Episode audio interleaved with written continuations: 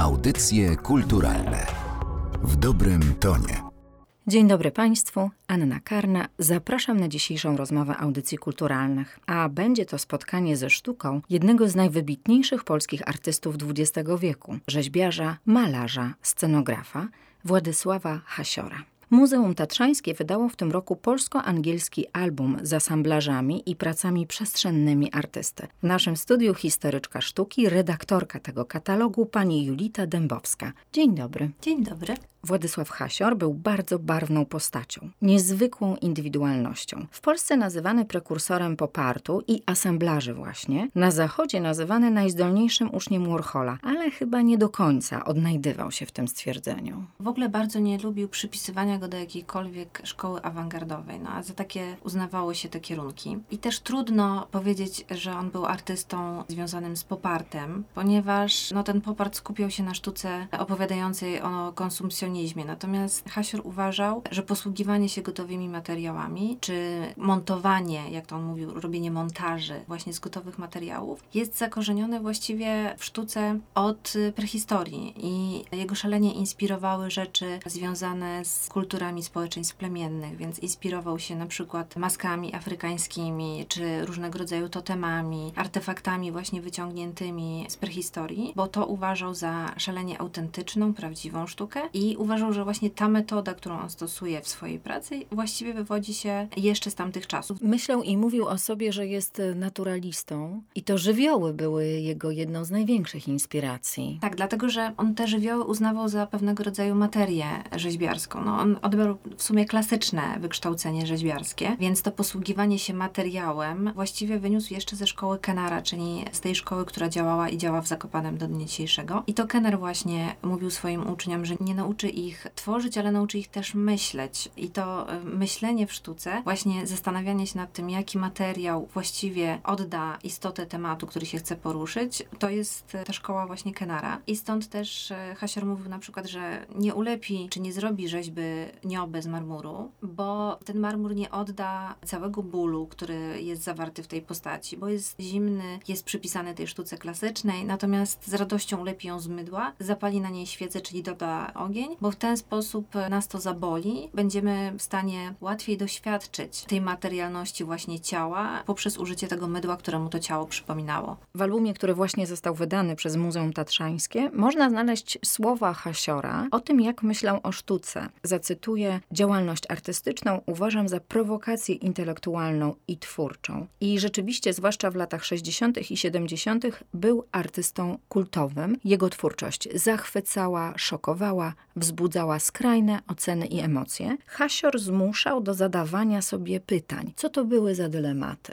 Właściwie ta sztuka cały czas porusza się wokół tematów związanych z człowiekiem, z kondycją człowieka w świecie. Z tym, że Hasior posługuje się zawsze tymi, jak to on mówił, archetypami, czy też takimi tematami, które są uniwersalne niezależnie od epoki, czy szerokości geograficznej, wyznania, które dotyczą właśnie takiego uniwersum związanego z ludzkim życiem. I to faktycznie, mimo tego, że ma to coś w sobie takiego w sumie konserwatywnego, to jakoś bardzo intensywnie też poruszało publiczność, a ponieważ Hasior uwielbiał się z nią konfrontować w różny sposób. W związku z tym na swoich ekspozycjach zawsze wykładał książki wpisów i to są od takich e, bardzo niepozornych zeszytów szkolnych po już e, większe książki. To jest takie forum analogowe tych opinii, z którymi Hasior się mierzył, ale jego to szalenie interesowało, ponieważ on uważał, że niezależnie od tego, czy to się podoba, czy też się nie podoba, to ważne, żeby wzbudzało emocje. Jeżeli ktoś się emocjonuje nawet negatywnie, to jest lepiej niż gdyby wychodził zupełnie obojętny z jego wystawy. Stąd też. Cały czas mówił, że eksponat konkretyzuje się w momencie spotkania z odbiorcą i że ten odbiorca przychodzi ze swoim prywatnym kapitałem poezji i on ma jako artysta obowiązek ten kapitał uruchomić. Stworzył bardzo indywidualny język wypowiedzi artystycznej, czego przykładem są właśnie asamblaże, które możemy oglądać w albumie, które z jego prac stały się takim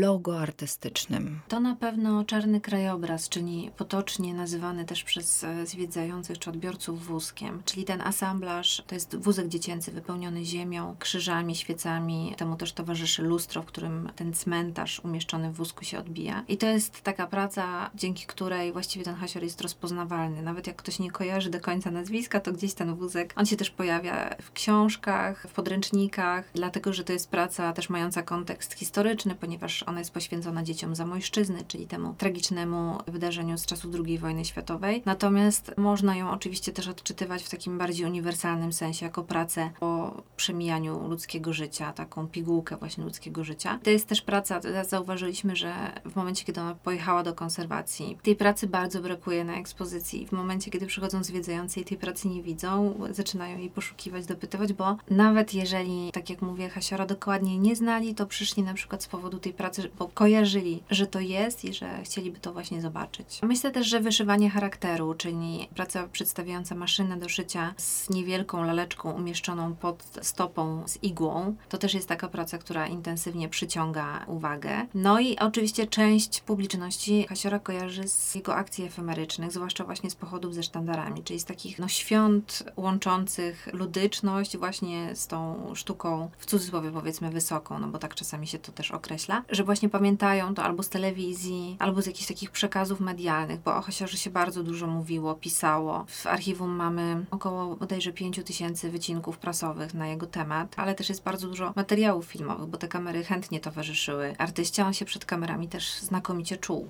tworzył z bardzo różnych materiałów. Tym przedmiotom nadawał drugie życie. To było tłuczone szkło, to było mydło, to było druty. Chyba możemy zaryzykować takie stwierdzenie, że on miał bardzo czuły stosunek do właśnie tych przedmiotów, z których tworzył. No tak, dlatego że on mówił, że jako artysta powinien fachowo umieć używać przedmioty. I że właśnie te przedmioty mają różną energię, ale też, że znaczą, podszeptują. I ja mówię, że to są trochę takie wizualne słowa. Jak rozłożymy jakąś pracę Władysława Hasiora na stole konserwatorskim na czynniki pierwsze, no to widać uczone szkło, jakieś laleczki, fragmenty tasiemek na przykład. I to wszystko oddzielnie nie stanowi jakiejś całości. Dopiero jak zaczynamy to składać z powrotem w ten kształt, który ułożył Hasior, okazuje się, że to nabiera sensu, znaczenia. I tak jest trochę, jakbyśmy wzięli rozsypankę wyrazów, no to poszczególne wyrazy są tylko wyrazami. Natomiast w momencie, kiedy autor zaczyna układać opowiadanie czy wiersz, to one nabierają nowych sensów. I tak jest z tymi przedmiotami, że same w sobie są tylko żelazkiem albo właśnie kawałkiem szkła, a hasior sprawia, że one zaczynają opowiadać pewne opowieści. Jakie są asamblaże hasiora? Są piękne wizualnie. To nie jest pierwsza rzecz, na którą ludzie zwracają uwagę, bo bardzo często widzą ich drastyczność, dramatyczność, też taką teatralność, która jest jedną z kategorii twórczości hasiora. Od tego się nie da uciec, ale one są też bardzo bogate wizualnie. Tam nie ma przypadkowych elementów i te elementy muszą do siebie pasować fakturą, kolorem, muszą się mienić w świetle też bardzo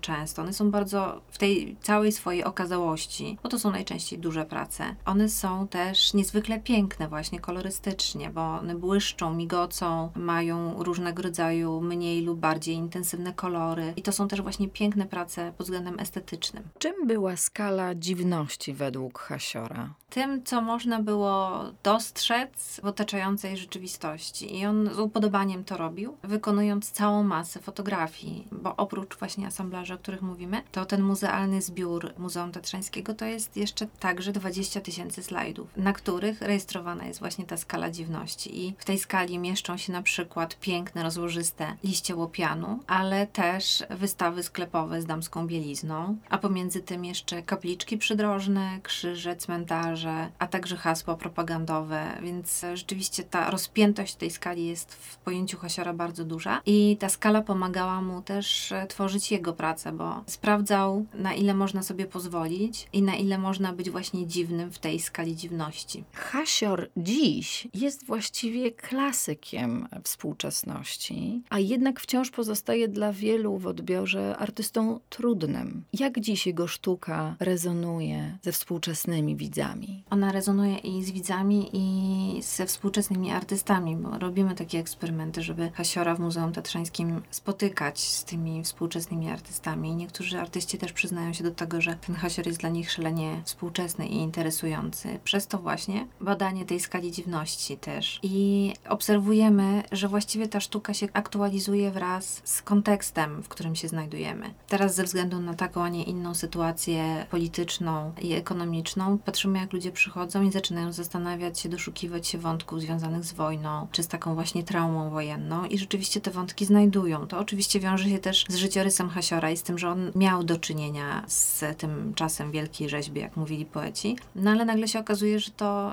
nie traci na aktualności. Podobnie jest z różnego rodzaju właśnie problemami związanymi z tym, jak funkcjonujemy tu i teraz. I ludzie to w tych pracach też znajdują. Prace przedstawione w albumie można oglądać w galerii Władysława Hasiora w Zakopanem, w galerii, która była miejscem życia artysty. To jest bardzo specyficzny przypadek, gdzie artysta wchodzi, jak to Hasior mówił, w małżeństwo, czy też w związek z instytucją. Ponieważ od e, momentu powstania galerii, czy od 85 roku, kiedy nastąpiło otwarcie, galeria zawsze była oddziałem albo filią Muzeum Tatrzańskiego i Hasior był kustoszem tejże galerii, ale tam też mieszkał i tworzył. Takie trochę epicentrum sztuki Władysława Hasiora. Cała ta galeria jest takim miejscem Hasiora, bo ekspozycja główna jest przez niego zaaranżowana i my w nią nie ingerujemy, chyba że coś jedzie do konserwacji albo na jakąś wystawę, bo bardzo wiele instytucji chce wypożyczać pracę Hasiora do różnych wystaw. Natomiast te przestrzenie, w których Hasior mieszkał i tworzył, są przekształcone na ekspozycje i archiwum, a także takie miejsce, gdzie organizujemy konferencje. Możemy zobaczyć te rzeczy, których Hasior używał, czyli na przykład właśnie pudełka ze slajdami, książki, całą właściwie większość tej biblioteki bogatej Hasiora. Możemy zobaczyć, można też z niej skorzystać na miejscu, jeżeli ktoś by chciał, to też serdecznie zapraszamy. Są też w skrzyniach z mieszkania Hasiora są jego materiały pracowniane, których można dotknąć, sprawdzić jaką to ma fakturę, strukturę. Jest stół, którego Hasior używał, a na którym rozłożyliśmy faksymile jego projektów, zapiski jego własnoręczne, które też można zobaczyć. E, więc tego Hasiora można dotknąć, ale można go też usłyszeć, ponieważ mamy głośniki kierunkowe, w których Hasior opowiada o różnych momentach swojej twórczości, łącznie z takim wczesnym momentem, kiedy jeszcze studiował, ale też trenował biegi na 5 km, więc e, można tego Hasiora obejrzeć sobie z różnych stron. Jesteśmy spadkobiercami właśnie zarówno materiałów z pracowni i fotografii analogowych, których jest też ponad 2000, wszelkiego rodzaju dokumentów, listów, rysunków, no i właśnie asamblaży, których w tej kolekcji jest 240. Do tego też dochodzą rzeźby wyrwane z ziemi. W jaki sposób tworzył w ziemi? To jest taka technika, którą on sobie wymyślił gdzieś na początku lat 60. Technika polegała na tym, że Hasior wykopywał kształt w ziemi, zazbrajał to metalowymi prętami, zalewał betonem i potem przy pomocy dźwiga wyrywał taki kształt betonowy bezpośrednio z ziemi. On mówił, że to jest moment, kiedy on oddaje w ogóle kontrolę żywiołowi ziemi właśnie. Znowu tu się pojawia żywioł. Do tego, żeby ukształtować taką bardzo ekspresyjną formę. Najczęściej były to tematy związane z Pietą czy Golgotą. Wyjątkiem jest obchodzący w tym roku 50-lecie Rydwan pod Sztokholmem w Sodertalie, który przedstawia biegnące Pegazy, które też oczywiście mogły płonąć, ponieważ miały takie rynny na paliwo, żeby, żeby można je było podpalić. To były monumentalne kompozycje, niezwykle ekspresyjne, ale też kompozycje, które przyniosły Hasierowi na przykład Grand Prix na Biennale Rzeźby w São Paulo. On miał wielki moment, to właśnie były lata 60. Był doceniany, myślę, no, chyba na całym świecie, bo i nowojorska MoMA w latach 60. pokazywała jego asamblaże. Sztandary właśnie były w São Paulo. Pracę jego można było oglądać i w Skandynawii, i w Ameryce Południowej. I tam chyba nie miał tej łatki, którą nadano mu w Polsce, czyli artysty reżimowego. W ogóle ta łatka artysty reżimowego pojawiła się, myślę, w latach 80. i ona potem bardzo długo pokutowała Właściwie to się czasami pojawia jeszcze dzisiaj z powodu pomnika na Snosce, który jest wspaniałą rzeźbą plenerową, bardzo uniwersalną w gruncie rzeczy w swoim sensie. No a potem w związku z wystawą, którą Hasior zrobił w stanie wojennym, a która to wystawa dla Hasiora była takim być albo nie być, czyli otrzymać możliwość pokazywania swoich prac w galerii w Muzeum Tatrzańskim, albo jej nie otrzymać. Natomiast te lata 60., 70. to jest taki czas, kiedy on jest bardzo popularny i w Polsce, Polsce i też za granicą, właśnie też zwłaszcza w Skandynawii, tam bardzo chętnie pokazywano jego pracę, kupowano też te prace. I to jest też taki czas, kiedy on jest najbardziej płodny artystycznie, porusza różne tematy, dotyka różnych materiałów, projektuje pomniki szklane na przykład, właśnie wyrywa rzeźby z ziemi, robi akcje efemeryczne, organizuje razem z Grzegorzem Dubowskim przegląd filmów o sztuce, uczy, pokazuje slajdy, jest szalenie prężnym twórcą, nawet pracuje na stanowisku scenografa w Teatrze Polskim we Wrocławiu. No, występuje w telewizji. Jest zapis takiego występu sam na sam. To jest taki talk show właśnie lat 70., gdzie on odpowiada na pytania publiczności, która dzwoni do studia i te pytania zadaje. I on wypada wspaniale, absolutnie. On potrafił kreować y, swój wizerunek, Tak. prawda? Robił to bardzo świadomie. Tak, tak. E, I on bardzo właśnie lubił e, pojawiać się przed kamerami. On się nie czuje skrępowany. Jest bardzo spokojny, opanowany w tym, co mówi. I też widać, że e, ten pomysł na sztukę, którą on sobie wymyślił, rzeczywiście jest głęboko przemyślany. W związku z tym on się nie stresuje pytaniami, dlaczego pan używa tych zużytych materiałów i czemu prace pana się psują. Mówi, "Naj- nie ma piękniejszych rzeczy niż zepsute. I że to, co nietrwałe, może być szalenie urokliwe i wartościowe i że trzeba z tego korzystać. Album poświęcony asamblażom i pracom przestrzennym to wstęp do kolejnych wydawnictw ukazujących dzieło artysty. Mamy takie marzenie, żeby pokazać Państwu jego pracę na papierze. I te prace rzeczywiście pokazują Hasiora z zupełnie innej strony, no bo asamblaże mniej lub bardziej ludzie kojarzą, podobnie właśnie jak te akcje efemeryczne. Natomiast te, rysunki, te kolaże, które posiadamy, to są prace wczesne, z okresów studiów bardzo często jeszcze, albo to są na przykład takie szkice koncepcyjne do pomników, które nie pokazują tego gotowego rozwiązania, z którym się spotykamy na ulicy, czy na przełęczy Snoska na przykład, ale pokazują w jaki sposób Hasior myślał e, o tym pomniku, jak szukał odpowiedniej formy, więc są też bardzo ciekawe, można sobie ten proces twórczy gdzieś tam e, prześledzić. I takim marzeniem jest właśnie wydanie drugiego takiego katalogu, który będzie nie mniej obszerny, bo tych rysunków jest e, ponad 270, więc jest naprawdę co zaprezentować. Polecamy Państwu album wydany przez Muzeum Tatrzańskie, katalog asamblaży i prac przestrzennych Władysława Hasiora i oczywiście zapraszamy do Galerii Artysty w samym pępku świata. No tak, no Zakopane absolutnie pępkiem świata jest, było i mamy nadzieję, że będzie. I też... e, Jak mawiał Witkacy. Tak, i też zapraszamy do innych e, filii Muzeum Tatrzańskiego, bo właśnie można się w nich spotkać i z Witkacym, i ze Stryjeńską, i z Malczewskim, więc serdecznie Państwa zapraszamy do tego pępka świata. Gościem audycji kulturalnych była redaktorka katalogu, historyczka sztuki Julita Dębowska. Bardzo dziękuję za spotkanie. Dziękuję bardzo. Audycje kulturalne w dobrym tonie.